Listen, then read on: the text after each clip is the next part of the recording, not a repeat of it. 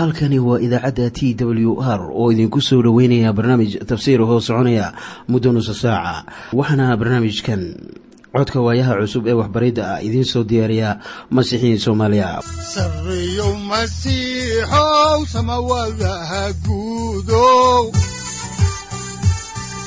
Siraadkii adduunkow subanaha eebow sareyow masiixow samawadaha guudow siraadkii adduunkow subanaha eebow adigoo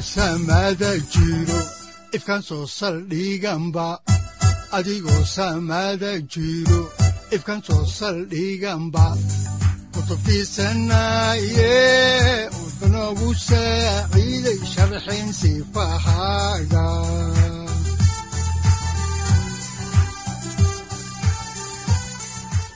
ku soo dhowaada dhegaystayaal barnaamijkeenna dhammaantiinba. Waxaan horay u sii ambaqaadi doonnaa daraasaadkii la magac baxay baibalka dhammaantii waxaannu caawa idiin sii wadi doonnaa barashada kitaabkii koowaad ee samuel wuxuuna kitaabkani ka hadlayaa isbeddel weyn oo ku imaanayay qaabka xukuumadda reer banu israa'iil wuxuuna ka hadlayaa wixii keenay in reer banu israa'iil ay boqor samaystaan iyo qaabkii ay ku timid. Waxaanan caawa idiin bilaabaynaa cutubka koowaad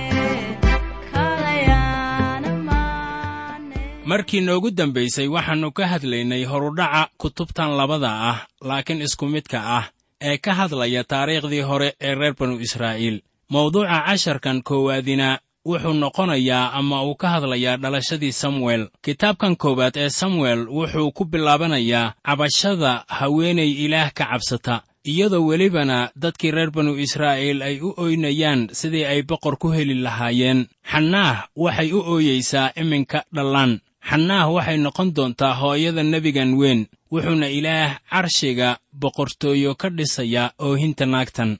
Haddaba markii qofka dumarka ahi xaqeeda ay u cabanayso ilaah wuxuu u dhisaa carshi. Ceeli oo ahaa wadaadka sare ayay la tahay in xannaah ay cabsan tahay kamri markaasoo ay timid meel ka soo hor jeedda taambuuggii ku yiilay shiilooh markii ay u sheegtay dhibka haya wadaadka sare ayaa wadaadku uu u duceeyey iyadii samuel waxaa dhashay xannaah waxaase loo keenay ceelii si axdigii ay gashay ay uga soo baxdo. Haddaan xaalka ku saabsan qisada ku bilowno kitaabkii koowaad ee samuel baalka saddex boqol afar iyo afartan ee kitaabka axdigii hore cutubka koowaad aayadaha kow ilaa labo waxaa qoran sida tan.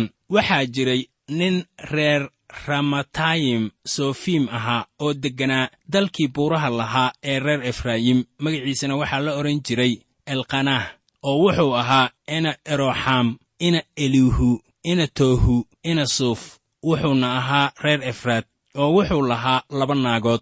Labada naagood middood magaceeda waxaa la odhan jiray xannaah tan kalena magaceedu wuxuu ahaa feninah feninaah carruur bay lahayd laakiinse xanaah carruur ma lahayn. Elkanaah wuxuu lahaa laba gabdhood laga yaabo inay kula tahay in ilaah uu oggol yahay in laba naagood la guursado. Waxaanse kugu leeyahay ilaah taasi raalli kama aha in ninku uu laba naagood guursado.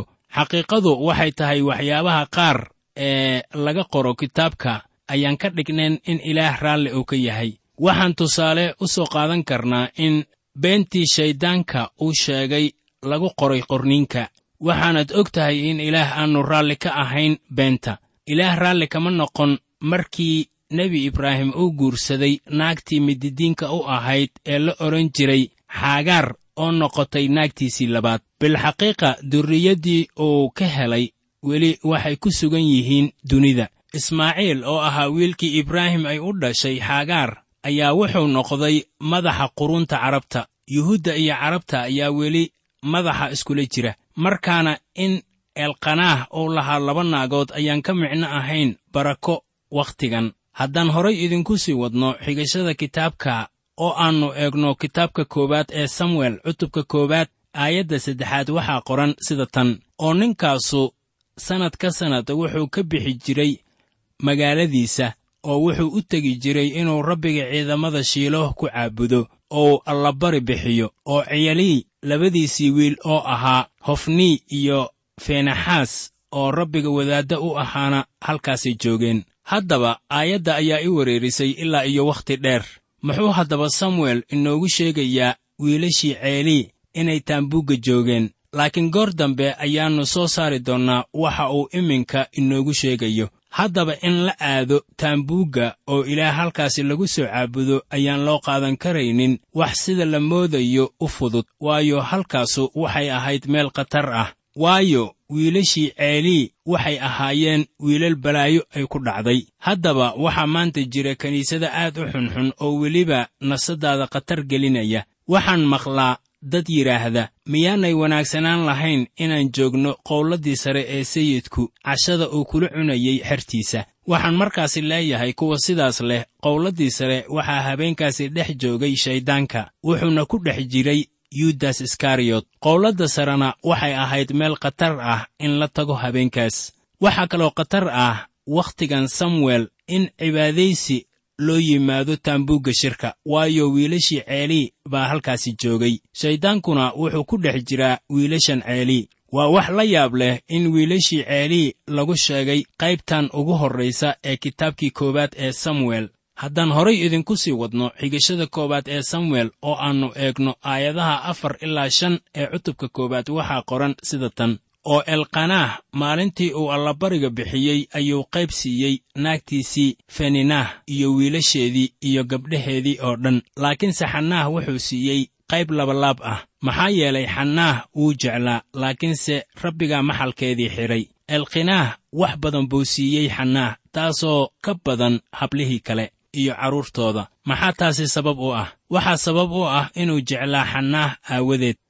Haddaan horay idinku sii wadno kitaabka oo aannu eegno aayadda lixaad ayaa waxaa qoran sida tan tii dhibi jirtay ayaa aad uga cadhaysiisay si ay uga xanaajiso. Maxaa yeelay rabbigaa maxalkeedii xidhay haddaba yuu ahaa cadowga xanaah waxaa la odhan jiray feninah waxaanay ahayd naagtii kale ee ilkanaah waxay u muuqataa inaanay farxad ku haysanin gurigeeda. Haddaba miyaadan arkaynin cadowtinimada ka dhexaysa labada naagood. Miyaad haddaba odhan kartaa ilaah guurka labada naagood raalli buu ka yahay. Welibana labada naagood ma jirin mid tala siiya. Si dhibka haysta ay caawimaad ugu helaan.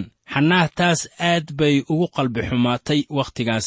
Laakiin ilaah bay baryo la hor timid. Haddaan horay idinku sii wadno xigashada kitaabka samuel waa kitaabkii koowaade cutubka koowaad aayadaha toddoba ilaa kow iyo toban. Waxaa qoran sida tan. Oo intuu saas yeelayey sannad ka sannad markii ay gurigii rabbiga tagtay ayay ka xanaajisay iyadii. Taas daraaddeed way oyday. Oo waxba ma ay cunin. Markaasaa ninkeedii elkinaah wuxuu iyadii ku yidhi xanaah maxaad u ooyeysaa oo maxaad wax u cuni weyday oo maxaa qalbigaagu u xumaaday. Miyaanan anigu toban wiil kaaga wanaagsanayn. Saas aawadeed xanaah way kacday markii ay shiilooh wax ku cuneen oo ay wax cabeen dabadeed. Haddaba wadaadkii ceelii ahaa wuxuu ku fadhiistay kursigiisii oo ag yiilay macbudka ilaah tiirkiisa. Iyadu aad bay u murugootay oo intay oyday ayay rabbiga barisay. Markaasay nidar nidirtay oo waxay tidhi rabbiga ciidamadow haddaad fiirisid dhibta aan anoo addoontaada ah qabo oo aad i soo xusuusatid oo aadan i iloobin anoo addoontaada ah laakiinse aad i siiso wiil dee markaas cimrigiisa oo dhan waan ku siinayaa. Rabbiyow oo madaxiisana mandiil lama marin doono. Haddaba sharaxaad laga bixiyey ee ah in la ciilay ayaa ka tarjumaysa sida weyn ee ay u niyad xumaatay inaanay wiil ama carruur lahayn. Markaasay tukatay oo ilaah weyddiisatay wiil oo laba waxyaabood bay ilaah ka ballanqaaday mid wuxuu ahaa in wiilku uu noqon doono mid ka mid ah wadaaddada ilaah u adeega ee reer laawi oo uu cimrigiisa oo dhan ilaah u shaqayn doono. Tan labaadna waxay ahayd in wiilka ay dhali doonto uu noqon doono nadiir taasoo loola jeedo in loo sooci doono oo keliya howlaha ilaah haddaan horay idinku sii wadno xigashada kitaabka samuel oo aan eegno aayadaha laba iyo toban ilaa saddex iyo toban ee cutubka koowaad waxaa qoran sida tan.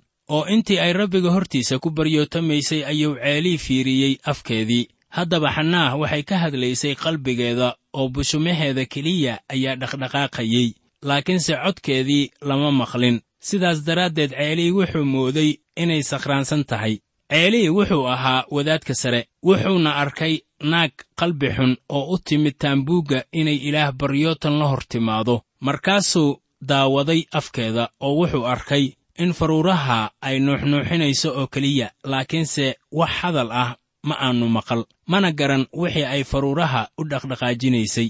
Waxaad eegtaa wixii uu ugu jawaabay oo iftiiminaya xaaladdii wakhtigaasi taagnayd. Wiilashii ceelii ayaa waxay ahaayeen kuwo sakhraan ah oo fataaliin ah. Ceelii wuu garanayey laakiin indhaha ayuu ka qarsaday markii xanaah ay niyadda ka tukanaysay. Ayaa ceelii ay la noqotay inay cabsan tahay. Miyaad haddaba garanaysaa waxa ay ula noqotay inay cabsan tahay. Waxaa iska cad in kuwa khamriga cabsan ay imaan jireen taambuugga rabbiga markaana halkan wax lagu caabudo ayaan berigaasi ahayn meel wanaagsan oo la yimaado. Haddaan horay idinku sii wadno xigashada kitaabka samuel waa kitaabkii koowaad ee samuel.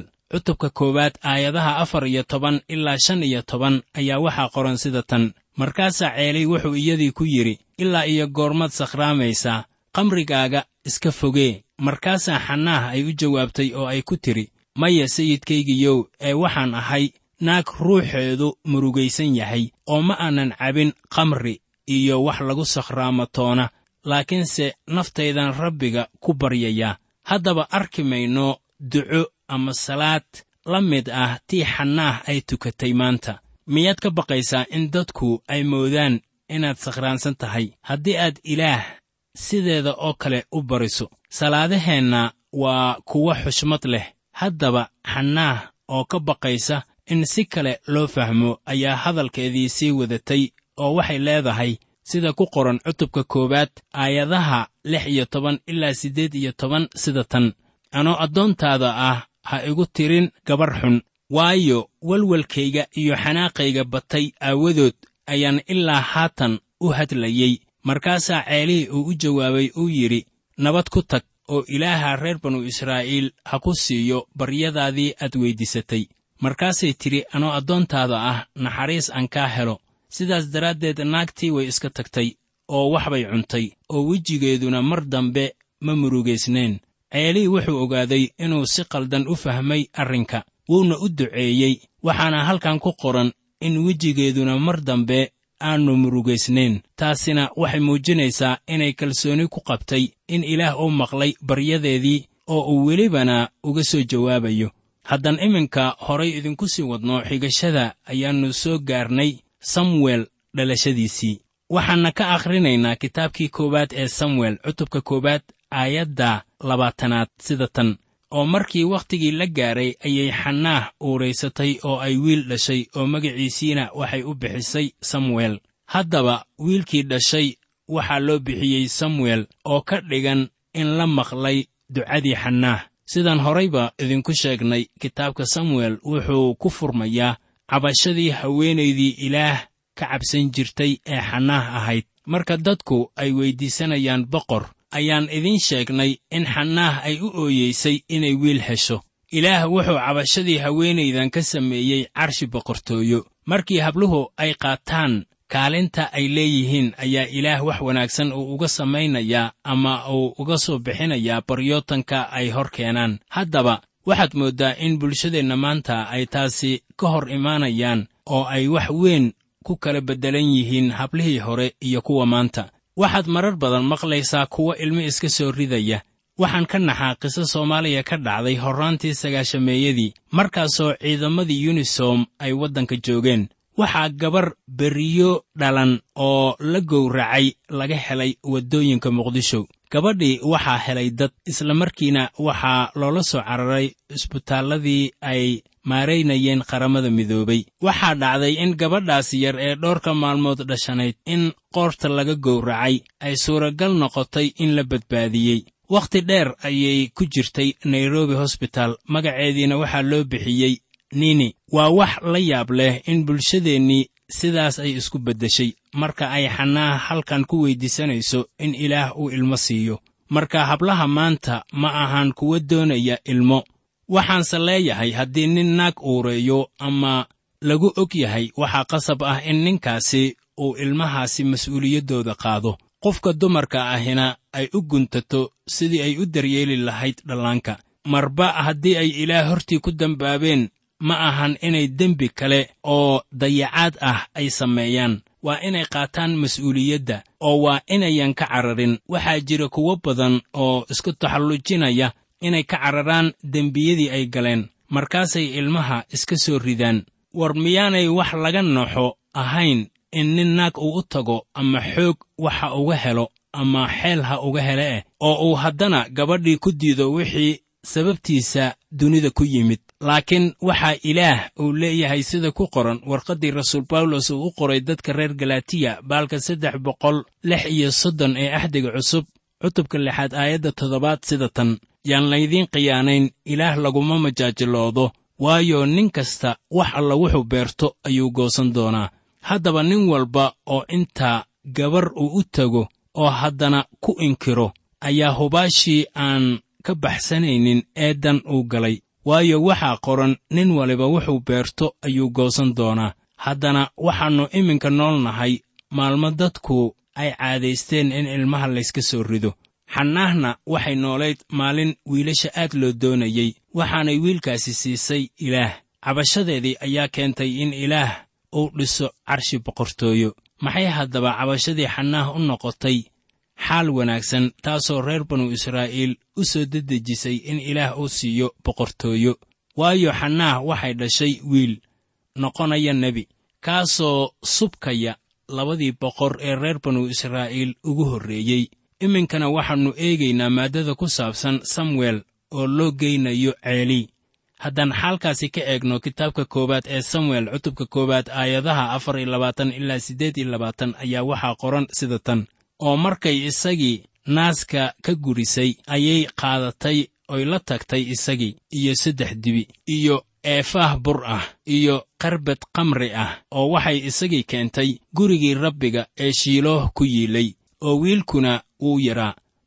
Markaasay dibi qaleen oo wiilkiina waxay u keeneen ceelii kolkaasay tidhi sayidkaygiyow waxaan ku dhaaranayaa naftaada nool.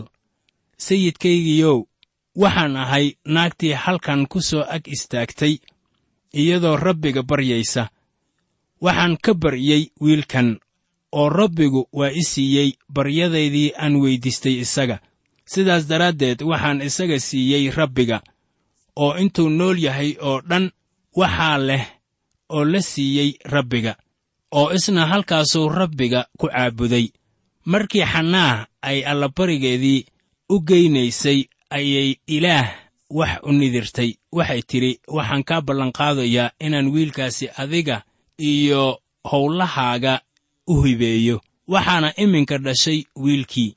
Waxaanay u geynaysaa ceelii si uu kaga adeego taambuuggii shirka. Haddaba wax lagu fasiri karo ayaan jirin. Hadiyaddan ee ilaah u nidirtay ee ahayd in wiilkaa ay dhali doonto loo hibayn doono howlaha ilaah waxaa inta ku soo dhammaanaya cutubkii koowaad.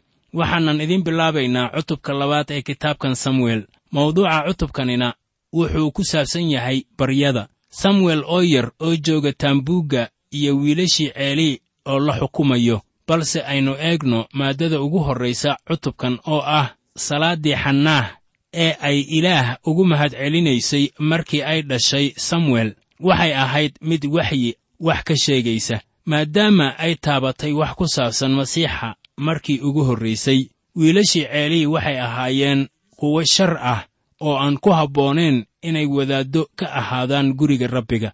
Nebi aan la garanaynin ayaa wuxuu u digayaa ceelii oo welibana ceelii iyo reerkiisaba waxaa laga joojinayaa inay ilaah wadaaddo u ahaadaan oo ilaahna wuxuu goostay inuu soo kiciyo addoon daacad u ah. Waxaanan ka bilaabaynaa maaddada ah baryadii saadaasha xambaarsanayd ee xannaah. Haddaba baryadaas xannaah waxay ka mid tahay baryada ugu weyn ee ku qoran qorninka haddaan baryadeedii toos idinku bilowno ayaannu eegaynaa kitaabkii koowaad ee samuel cutubka labaad aayadda koowaad. Waxaa qoran sida tan markaasaa xannaah tukatay oo waxay tidhi qalbigaygu ilaah buu ku faraxsan yahay geeskaygana rabbigu kor buu u qaaday afkayguna wuxuu u faanaa cadaawayaashayda maxaa yeelay waxaan ku reereeyaa badbaadintaada. Haddaba geesku wuxuu ka hadlayaa xoog laakiin iyadu waxay ula jeeddaa xooggeeda rabbiga ay ka helayso ee gudaha. Waxay markaasi ku reeraynaysaa xaqiiqada ah in ilaah iyada uu siiyey wiil. Waxay markaasi dareemaysaa inay ka adkaatay kuwii caayi jiray ee ku odhan jiray madhasho oo waxay ku reeraynaysaa badbaadadii ay heshay badbaadadu saddex baa lagu sifeeyaa waana wakhtiga tegey mid weli socda iyo waxa taagan. Waxaanan ku bilaabaynaa marka aynu leennahay waannu badbaadnay. Haddaan soo xiginno hadalladii ciise masiix sida ku qoran cutubka shanaad aayadda afar iyo labaatanaad ayaa waxaa qoran sida tan. Runtii runtii waxaan idinku leeyahay kii hadalkayga maqla oo rumaysta kii i soo diray. Wuxuu leeyahay nolosha weligeed ah xukunno geli maayo laakiin dhimashadii ayuu ka soo gudbay oo nolosha u soo gudbay. Haddaba badbaadada caynkaas ah waa waxay ka hadlayso badbaado horay u dhacday. Ilaah wuxuu kaloo inaga samata bixinayaa waxa kuwa cilmiga tiyolojiyada garanaya ay ugu yeedhaan nijaasada dembiga. Samata bixintaasna waxa weeye midda wakhtigan xaadirka ah dhacda. Tan kalena waa badbaadada jidhka ama dembiga jidhka oo ah qaladka qalbiga qofka ku jira ficilka doonista dadka. Haddaba badbaadada xannaah waa mid markaasi dhacday. Waxaa kaloo uu noqonayaa qof la daahiriyey ama la hufay. Naxwe ahaanna waa wax markaasi taagan. Waxaa kaloo jira badbaadada dhimashada oo ah wax mustaqbalka dhacaya waana badbaadada dhimashada xagga ruuxa. Waxaa yooxanaa uu ku qoray warqaddiisii koowaad cutubka saddexaad aayadda labaad sida tan gacaliyaalow iminka waxaannu nahay carruurta ilaah oo weli waxaannu noqon doonno lama muujin laakiin waxaynu ognahay in goortuu muuqdo aynu noqon doonno sidiisa oo kale. Waayo waynu arki doonnaa isaga siduu yahay. Haddaba furashadaas oo kale waxaa loogu yeedhaa tan mustaqbalka. Waxaynu noqonaynaa kuwa badbaadaya taasuna waxay noqonaysaa samata bixin imaanaysa mustaqbalka. Waana layna badbaadinayaa waana marka aynu helno ammaanta oo imaanaysa mustaqbalka. Waan badbaadnay waana layna badbaadinayaa waynu badbaadi doonnaa waxaad xusuusataan in yoonis uu yidhi sida ku qoran kitaabka loogu magacdaray badbaadadu waxay la jirtaa rabbiga. Zabuurluhuna wuxuu ku celceliyey in badbaadadu ay tahay wax rabbiga ka imaanaya. Runta kama dambaysta ah ee ku aadan badbaadada ayaa waxay tahay in nimco laynagu badbaadiyey taasina waxay ka micno tahay in xaq laynooga dhigay nimcada aynu qarashla'aanta ku helnay. Marka la leeyahay qarashla'aan ayaa taasu ay u dhigmaysaa inaynan innagu shaqaysan oo ilaah inagama helin wax aynu ku istaahilno badbaado. Hase yeeshee isaga qudhiisa ayaa sida tan goostay oo waxa weeye inuu ina jecel yahay aawgeed haddaan horay idinku sii wadno xigashada kitaabka oo aan eegno kitaabka koowaad ee samuel cutubka labaad aayadda labaad waxaa qoran sida tan. Mid quduus ahu sida rabbiga ma jiro waayo adiga mooye mid kale ma jiro. Oo dhagax weyn oo ilaahayaga la mid ahuna ma jiro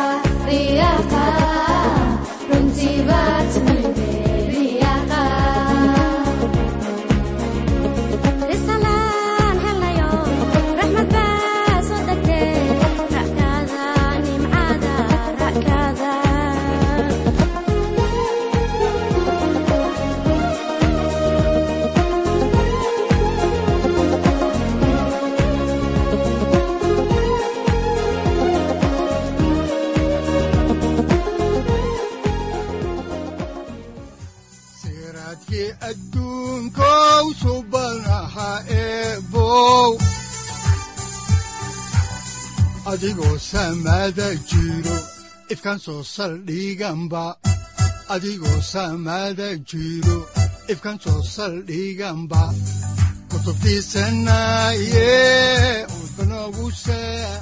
halkani waa t w r idaacadda t w r oo idinku leh ilaa ha idin barakeeyo oo ha idinku anfaco wixii aad caawi ka maqasheen barnaamijka.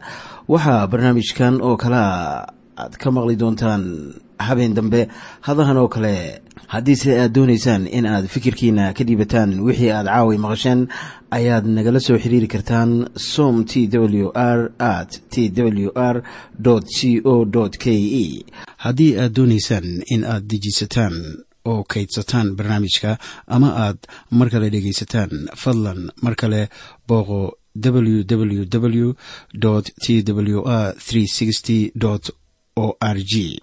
Amase www t t b t w r o r g.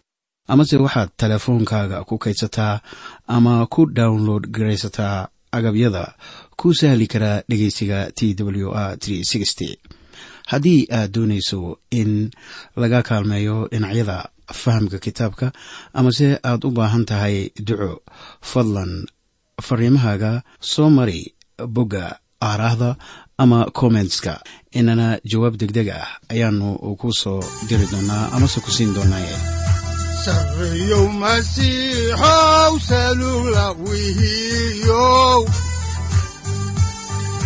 saacadda timid dhulka sabada ku dhalatiyo